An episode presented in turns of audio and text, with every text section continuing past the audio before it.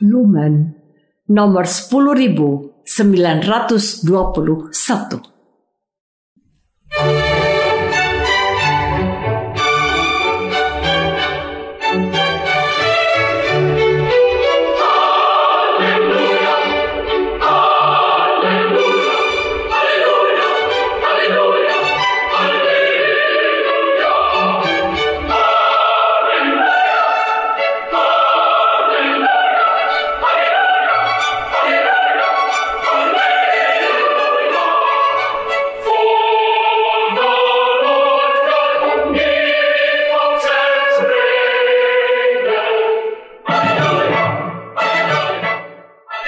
Saudara pendengar di segenap penjuru tanah air, selamat bergabung dengan Lumen Indonesia. Lumen Indonesia siap melayani Anda setiap hari. Saudara terkasih, marilah kita bersatu dalam Tuhan kita Yesus Kristus yang tidak berubah dahulu, sekarang, dan selama-lamanya. Allah Sang Maha Rahim mengasihi dan menerima sebagaimana adanya kita Allah Bapa kita di surga senantiasa bersedia menolong, menghibur, dan meneguhkan kita dalam menghadapi segala permasalahan hidup sehari-hari.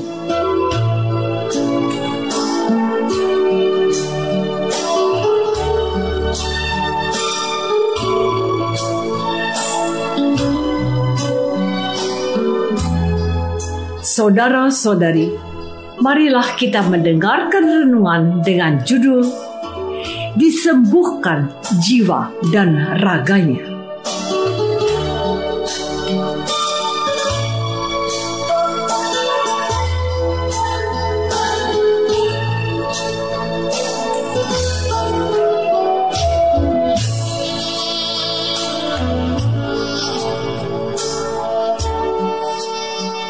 Yang berdasarkan pada Injil Matius bab 9 ayat 6 dan 7. Tetapi supaya kamu tahu bahwa di dunia ini anak manusia berkuasa mengampuni dosa. Lalu berkatalah ia kepada orang lumpuh itu, "Bangunlah dan angkatlah tempat tidurmu dan pulanglah ke rumahmu." Dan orang itu pun bangun lalu pulang.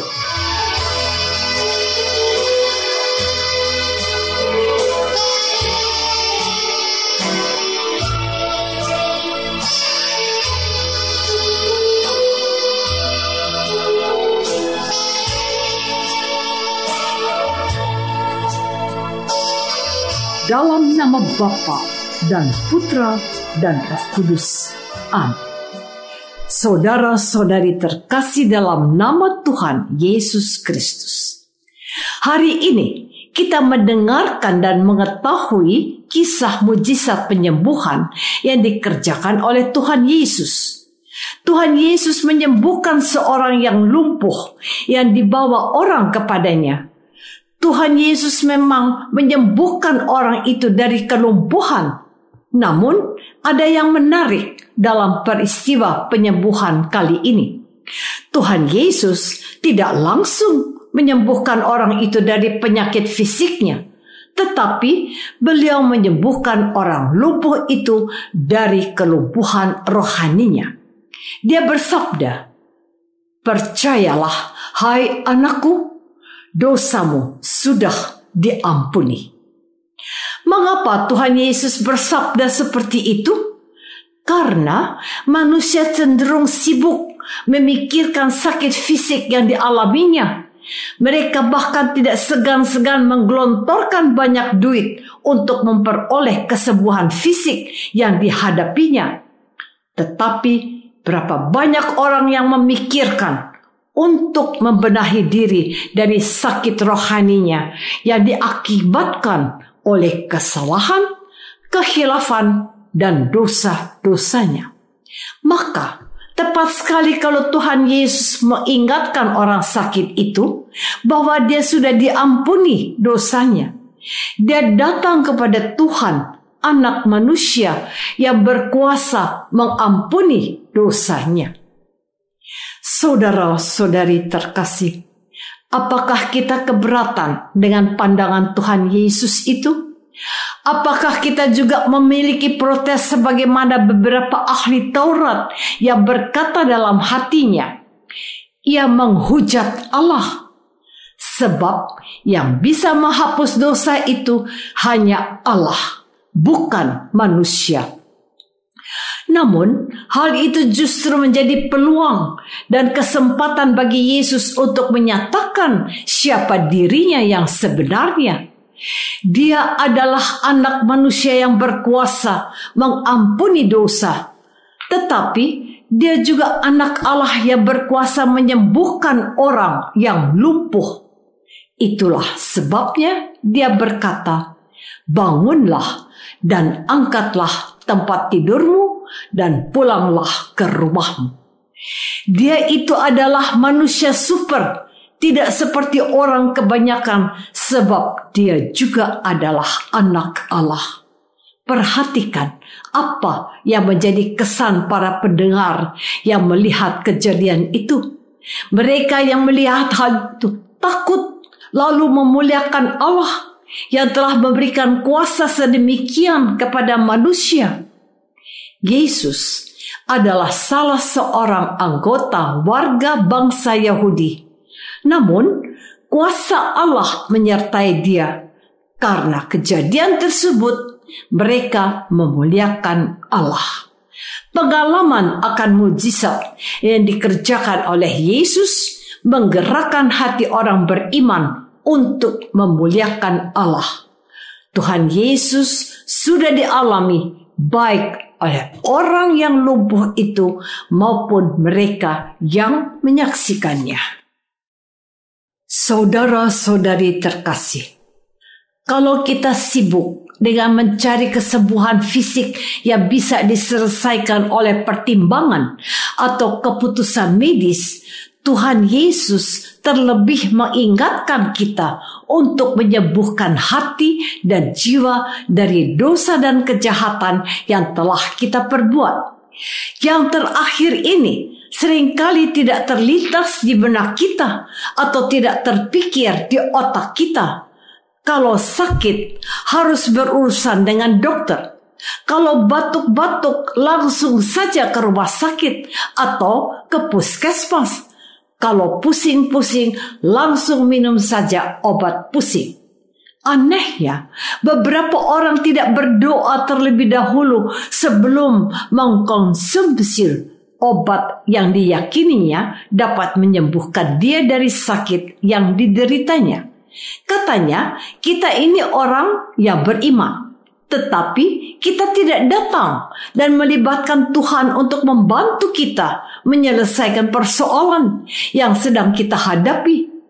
Perhatikan apa yang dikatakan oleh Rasul ketika mengingatkan umat perdana seperti ini. Kalau ada seorang di antara kamu yang menderita, baiklah ia berdoa. Kalau ada seorang di antara kamu yang sakit, Baiklah ia memanggil para penatua jemaat supaya mereka mendoakan dia serta mengolesnya dengan minyak dalam nama Tuhan.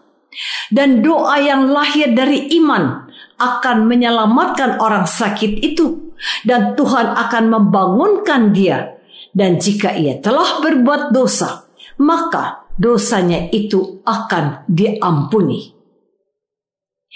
Yakobus bab 5 ayat 13 sampai 15. Bukan berarti bahwa kalau orang sakit itu karena banyak dosanya, tetapi setiap orang pasti telah pernah berbuat dosa. Maka dia harus mengakukan dosanya agar dia disembuhkan terlebih dahulu dari penyakit rohaninya. Saudara-saudari terkasih, Tuhan Yesus tidak hanya menyembuhkan orang yang lumpuh kakinya, melainkan juga menyembuhkan dari kelumpuhan hatinya. Tuhan Yesus pertama-tama membebaskan dia dari kelumpuhan jiwanya, melepaskan dia dari dosa-dosanya. Inilah yang mau diingatkan Tuhan kepada kita. Kita sering lupa akan cacat jiwa, atau bahkan sering kita lupakan. Padahal kita tidak membutuhkan sepeser uang pun untuk mendapatkan penyembuhan dari cacat jiwa kita. Gereja melalui sakramen pertobatan menyediakan dan mempersiapkan jalan lapang bagi kita untuk terus memuliakan jiwa kita dari dosa dan bayangan maut. Kita sudah tahu, sudah sering diingatkan, namun kita sering kali tidak mau tahu. Betul? Biasanya imam sudah mengingatkan kita pada masa prapaskah untuk mengakukan dosa sebelum perayaan hari raya Paskah tetapi siapakah yang menaatinya? Tuhan Yesus menghendaki kita bukan saja sehat secara fisik, tetapi juga sejahtera secara rohani. Tuhan Yesus itu datang ke dunia bukan hanya untuk menyembuhkan sakit fisik kita, tetapi ia mau supaya kita menjadi orang-orang suci seperti Bapaknya yang di surga adalah sempurna.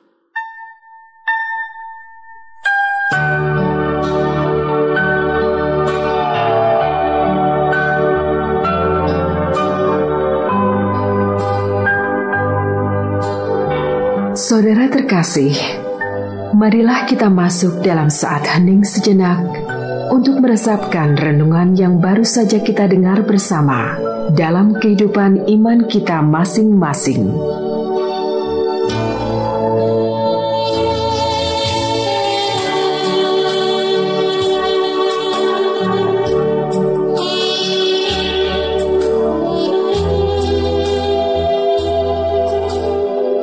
Apakah aku sudah datang dan mengandalkan Tuhan Yesus di waktu sakit? Apakah aku juga sudah memohon ampun atas dosa-dosaku kepada Tuhan?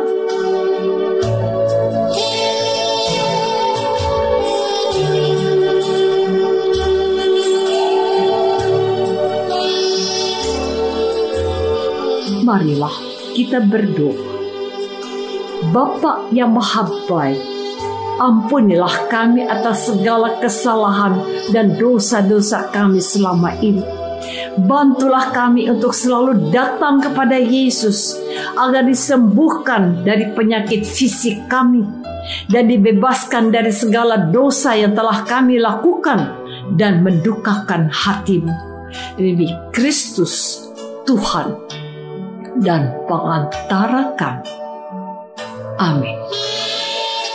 Semoga kita semua selalu dinaungi dan dibimbing oleh berkat Allah yang Maha Kuasa, Bapa dan Putra dan Roh Kudus.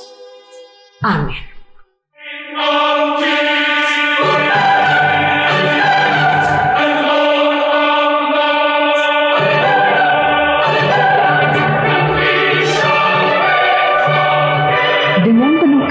Dan sukacita, Lumen Indonesia mengundang saudara-saudara seiman di segenap penjuru tanah air.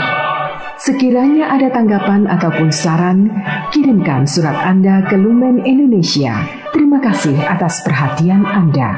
Sampai berjumpa lagi dengan Lumen Indonesia pada waktu dan gelombang yang sama esok hari.